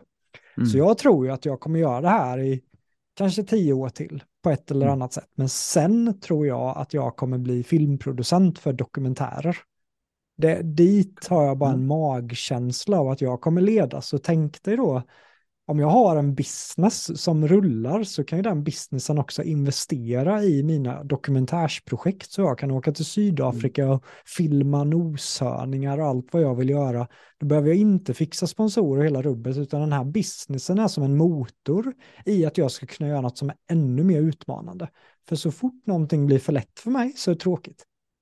Men där är en intressant poäng med, Arnold i, i det, för han, han var ju såklart bodybuilder och sen samtidigt som han var bodybuilder var ju han entreprenör. Han, eh, han Mm. jobbade ju med liksom, eh, han eh, startade ju ett, alltså ett renoveringsföretag, ett byggbolag. Han hade sin postorder mail business där han sålde liksom olika träningstips och sånt där. Och sen när han tjänade pengar från det så började ju han investera i fastigheter. Ja. Så han var, när han väl bestämde sig, nu ska jag bli skådespelare, så var ju han redan miljonär i dollar räknat. Och det gjorde att för, för de flesta skådespelare, de behöver ju betala räkningarna. Så de går ju desperat för att få vilken roll de än kan få i en film eller till reklam eller en tv-serie. För att bara så här, åh, ja, jag fick en lönecheck den här månaden. Men han kunde tacka nej. Jag menar, han började säga att jag ska vara skådespelare. Han fick ju så mycket erbjudanden och sa oh, you can be the bouncer at this club. Du kan vara the thug in the background. Du, kan liksom, du ska vara stora muskelkillen som står här på sidan och ser farlig ut. Och han sa, jag har absolut inget intresse av det. Jag ska vara ledande stjärnan. Och sa, men nej, det ska du inte. Nej, då ska jag inte vara med i den här filmen då. Hej då. Mm. Så han kunde ju liksom tacka nej till saker en efter en. Tills han fick först möjligheten med Conan the Barbarian. Vilket så här, vem annan ska spela Conan? Och där fick han liksom lära sig att vara skådespelare. Och sen kom ju, och vi ska ju inte nörda ner oss för mycket i Arnold, men liksom, sen fick han Terminator, och sen, men han kunde välja bort roller som han inte ville ha. Och det är ju samma sak som du säger, om du bygger upp ditt företag, liksom, du behöver inte ha bråttom att ta dig ur. Du, du kan ta dig ur allt utom det du tycker är kul. Och sen när du inte längre tycker du det är kul, då löpande du plockar du bort de grejerna som har blivit tråkiga, tills till slut så är du helt ute ur businessen. Och nu går du och gör ditt andra. Och ska det vara, liksom, jag ska göra dokumentärer. Nice. Då har jag pengarna att göra det. Jag behöver inte gå och tigga pengar av någon som helt plötsligt ska in och styra i hur och var och varför jag ska göra den här. Utan nej, jag får berätta min story på mina, liksom, on my terms, på mitt sätt. Och den kommer att lyckas för att det, det är en genuin film. Så att, eh, det, det är jätteviktigt. Det är därför det här blir så spännande och det är därför så mycket har kärnan i Rich Dad Poor Dad. För det är just det här mindsetet som gör att nu är jag ekonomiskt fri.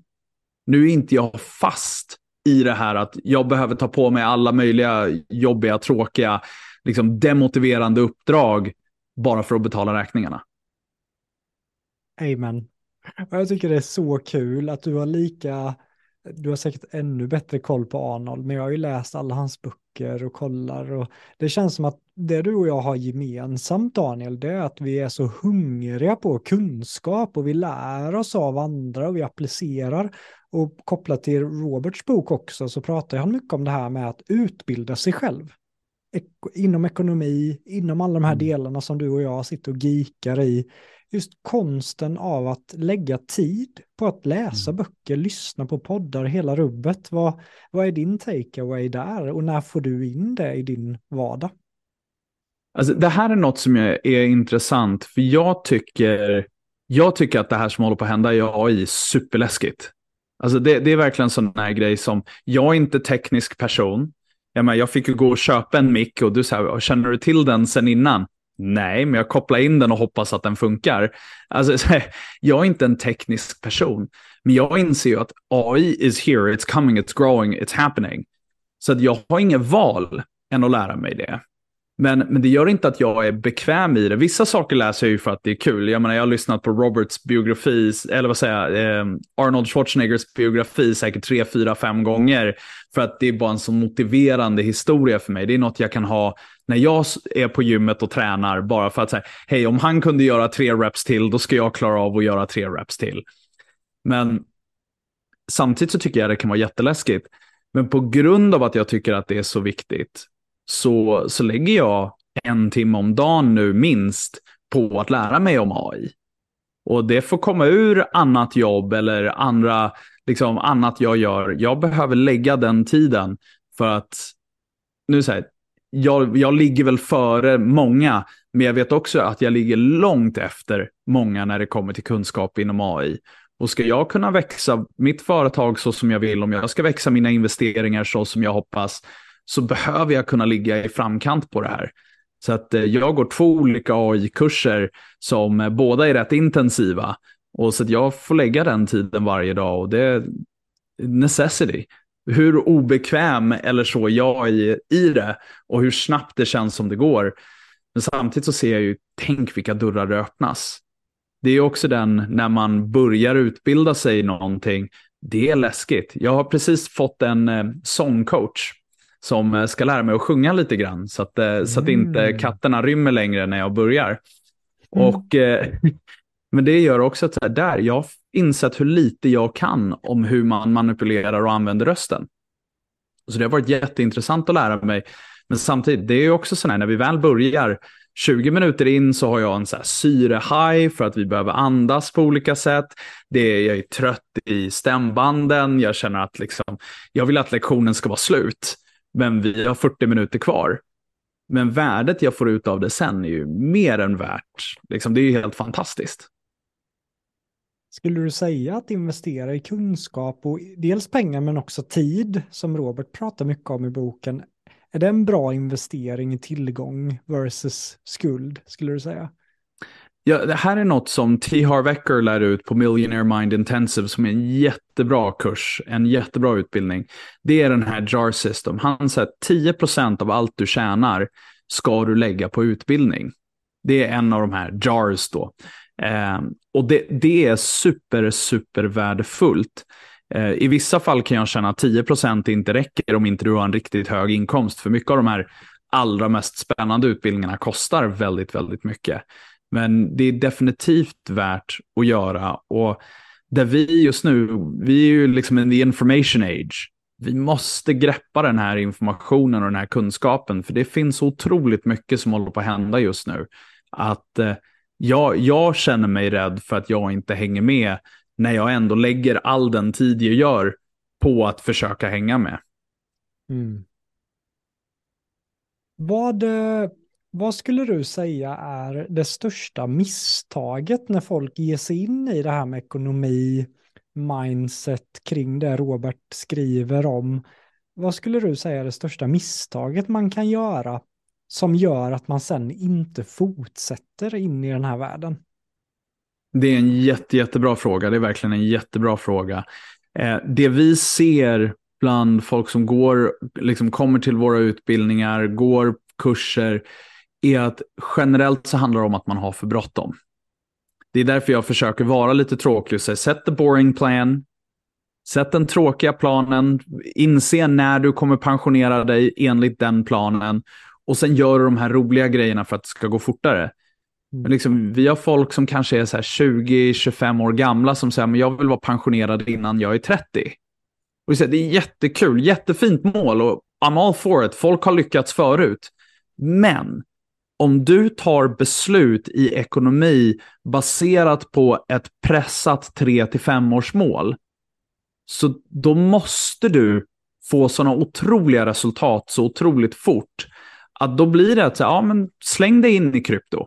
Alltså om du kommer till mig och säger ja, jag har 10 000 spänn att spendera. Jag vill bli ekonomiskt oberoende inom tre år och jag vill göra minimalt arbete själv. Så, aha, vilka verktyg ska jag använda nu då? Det enda som har potentialen är krypto, men oddsen är att du kommer förlora dina 10 000. Mm. Och, och, då är det så här, okej okay, fine, gör det då. Men då kanske det tar tre år.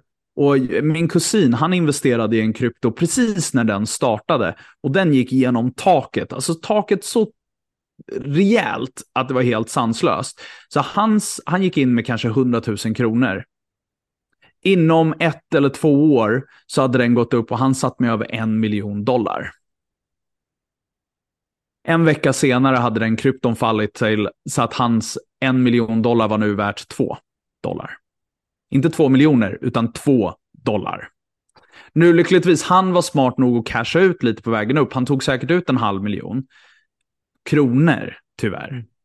Så, men, men fattar du den, liksom, det är problemet med hög risk. Nu så här, han vill ju inte investera i annat sånt. Nu är han entreprenörisk, han, han driver företag och han investerar i så att säga vanliga företag, så han är ju duktig. Men jag kan se hur demotiverande det skulle vara att göra din livsinvestering och sen förlora allt över en natt. Men börjar du tänka i termer om 10 år, 15 år, 20 år, det är som Tony Robbins alltid säger, pe most people will overestimate what they can do in a year, but they will greatly underestimate what they can do in a decade or decades. Det vill säga, vi, vi sätter för höga mål och krav på oss själva på vad vi kan göra på ett år. Men vi har ingen alls förståelse för hur mycket, hur otroligt mycket vi kan göra på 10, 20, 30 år. Och börjar man tänka i ekonomiska termer om 10, 20, 30 år, då tar man mycket, mycket bättre beslut. Även om ja, det är jättejobbigt att tänka så här, vart ska jag vara ekonomiskt om 30 år? Det är, det är inte roligt. Men om du gör investeringar med en 30-års horisont och sen tar, precis som du gör, kanske 20% eller 10% eller 30% vad nu du känner att du vill lägga på sådana här roliga, snabba investeringar. Jättebra då, det är fantastiskt. Men, men liksom lägg inte 100% på det, utan gör din tråkiga plan. Super. Jag gillar det här långsiktigheten, trygghet. Det känns bra i själen också att inte vi sitter nu och hypar. Lägg in alla dina pengar i krypto. Det, det blir ju lurigt. Mm. Jag ja, och det är sånt där tid. som man läser ju i tidningar, eller hur? Om så här, ja, 18-åringen tjänade x miljoner Exakt. på NFTs och då vill man ju göra det också. Och jag köper det. Det är klart. Och, och som sagt, ta en del av pengarna och gör det. Om du tycker att NFTs är spännande, så gör det. Men häng inte upp din framtid på det. För att det, oddsen är att det inte kommer att leda till miljoner. Nu har jag inte så mycket tid med dig kvar, Daniel. Jag har några frågor kvar. Så jag tänker jag, jag ställer dem i något högre hastighet här. Om en person som har varit anställd större delen av sitt liv helt plötsligt öppnar upp ett aktiebolag och kliver in och driver företag och alla de här delarna. Vad är det viktigaste för en person med en anställd mentalitet att tänka på när man blir företagare? Det är en jätte, jättebra fråga. Jag tror att, igen, det handlar ju om att skynda långsamt. Så jag tror att du ska hålla, fortsätt vara anställd, bara att nu är du anställd i ditt egna företag. Så du har bytt en fysisk chef mot att ha ditt AB som din chef. Och så att vara väldigt tydlig med vad är nu din arbetsroll?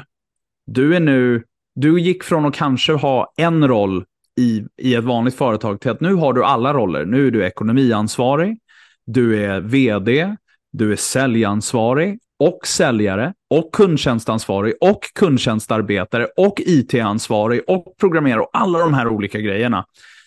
Och nu är din roll är att liksom bygga bolaget steg för steg och sköta alla de här rollerna. Ja, vissa av dem kommer du kunna ersätta. Men börja inte ta på dig för mycket utgifter för snabbt. Ha inte bråttom och gå från... För om man tittar i kvadranterna nu. Nu har du gått från E-kvadranten, employee, till S-kvadranten, self-employed. Ha inte för bråttom nu att hoppa över till business owner. Utan gör ordentligt det övergången till self-employed. Bygg bolaget och var involverad i allting. Det här var en del av coaching som jag fick som inte alls var bra, var att liksom jag skulle ut ur allt direkt. Men om inte jag har lärt mig rollen, om inte jag har genomfört rollen, hur ska jag kunna lämna över den rollen till någon annan? Så det första du behöver göra är att gå in i alla roller, lära dig allting, förstå allt med ditt företag och sen börja ersätta dig. Men, ta in en bokföringsfirma, det kan man göra ganska fort. Kanske ta in någon som kan hjälpa dig med IT. Ta in någon som kan hjälpa dig med kundsupport. Men, men liksom en i taget.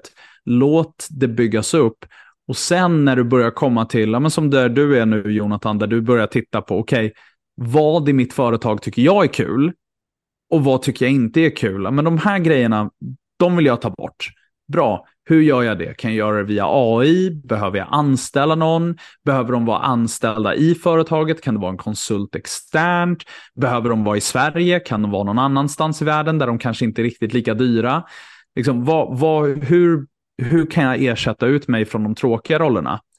Men se till att fortsätta hålla ett rejält öga på allting du har ersatt tills du verkligen ser yes, det funkar, den här bollen kan jag verkligen släppa.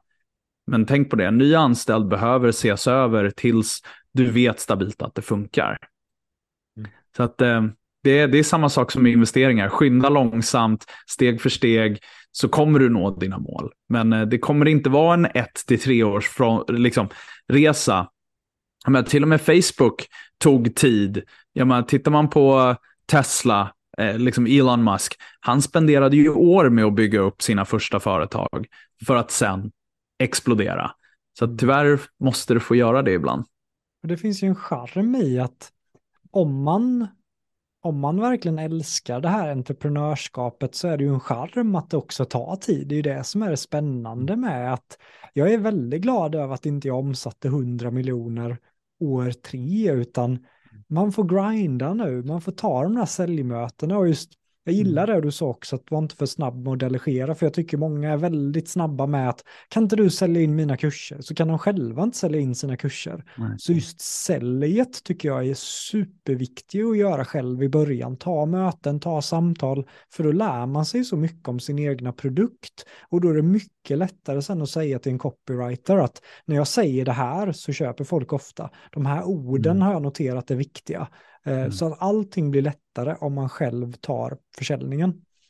Men en annan Verkligen. fråga, Daniel, vad, vad är det bästa citatet som Robert Kiyosaki har skrivit, tycker du, som du verkligen, ja, det där citatet kommer du aldrig glömma som, som Robert eller Kim har, har skrivit?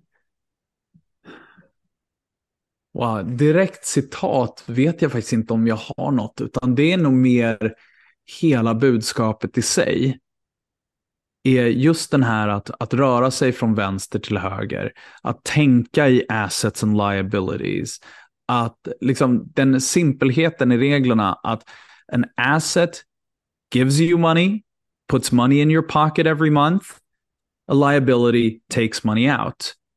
Um, så det, det, är, det är verkligen hela.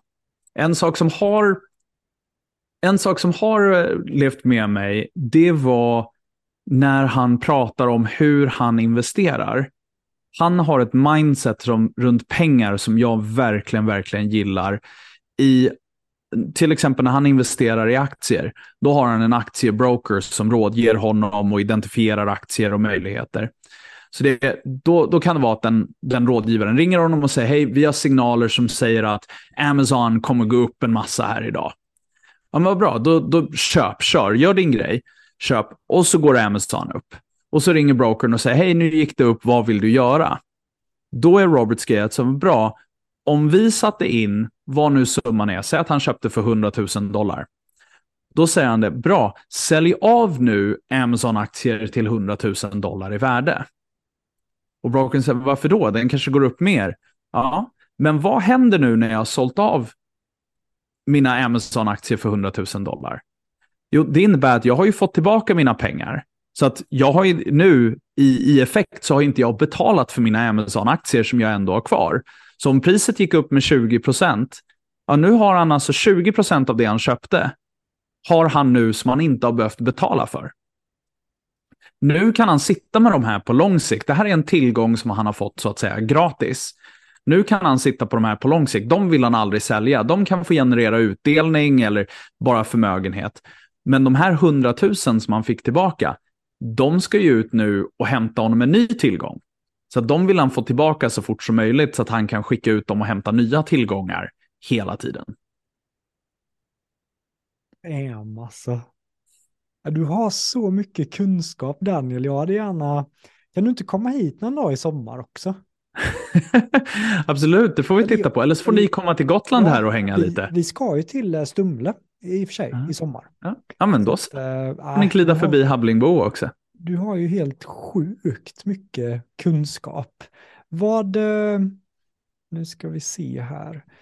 Om man har barn, mm. och så kanske man sitter och tänker att pengar det är bara för som, Stureplansmänniskor. Det är många som har en väldigt negativ syn på pengar och de, när, när barnen frågar om pengar så säger man så som Poor Dad att eh, ja, men var inte girig, var inte det här. Varför, vad vill du säga till föräldrar som inte har tänkt utbilda sina barn inom ekonomi? Vad vill du ge de föräldrarna för tips till att faktiskt börja göra det?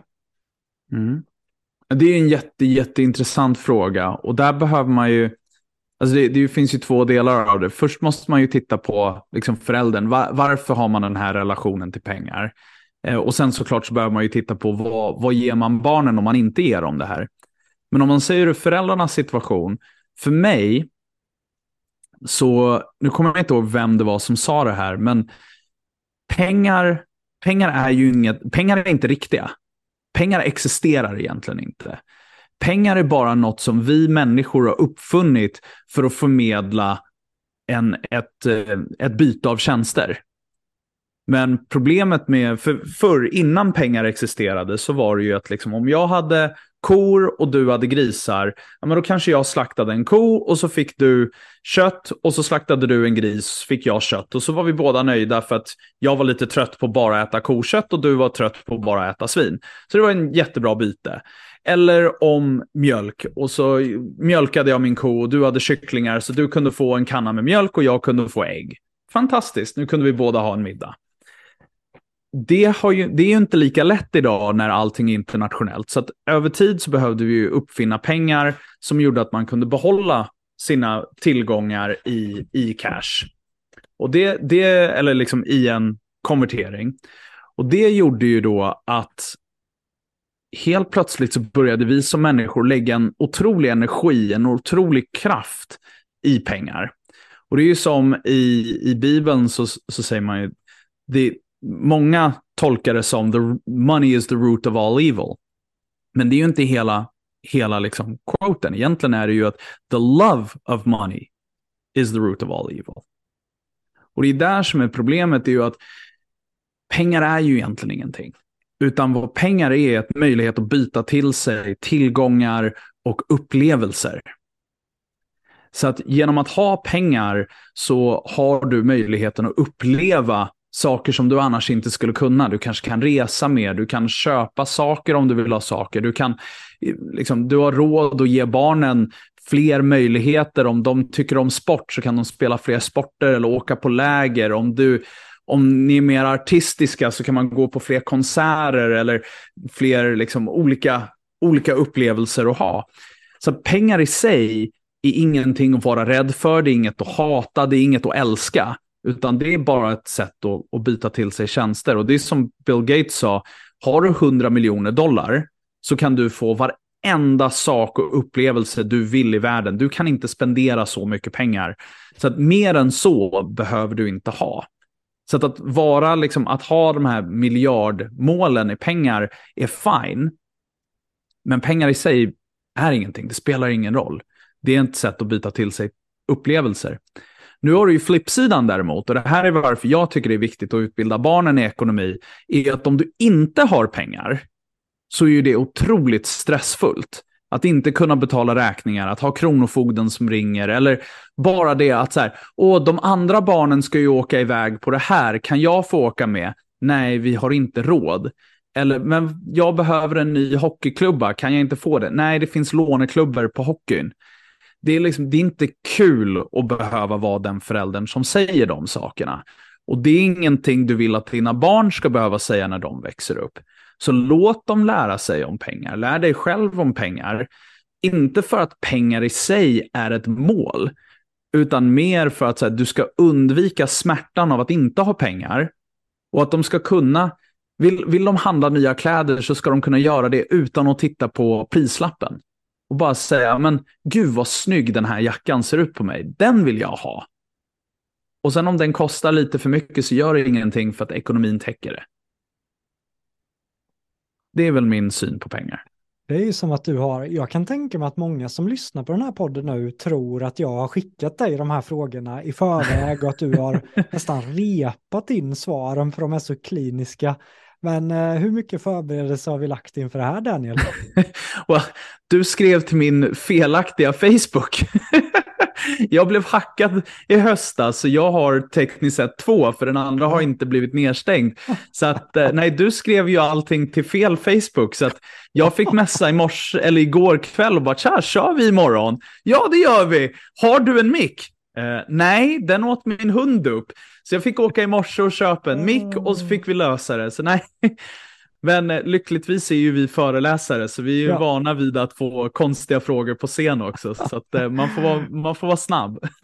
jag trodde att du eh, inte kunde när jag inte fick svar på, jag bara, ja, men han är säkert busy så det blir inget. Och sen när du skrev från en annan Facebook, jag bara, ah, gött för jag är game alltså. Men jag tycker ja. att det känns som att vi har gett väldigt, väldigt mycket värde idag Daniel, är du nöjd med eh, avsnittet? Har jag skött mig som intervjuare? Vi får se vad reviewsen kommer in sen. Det beror ju på vad, det är vad lyssnarna tycker om vi har gjort ett bra jobb. Men jag tycker du har gjort ett jättebra jobb. Jag tycker det här har varit jätteintressant och superkul att få vara med här på, på din podcast och, och vara en av, ja, du har intervjuat helt fantastiska personer, så få vara en i den listan är ju nära.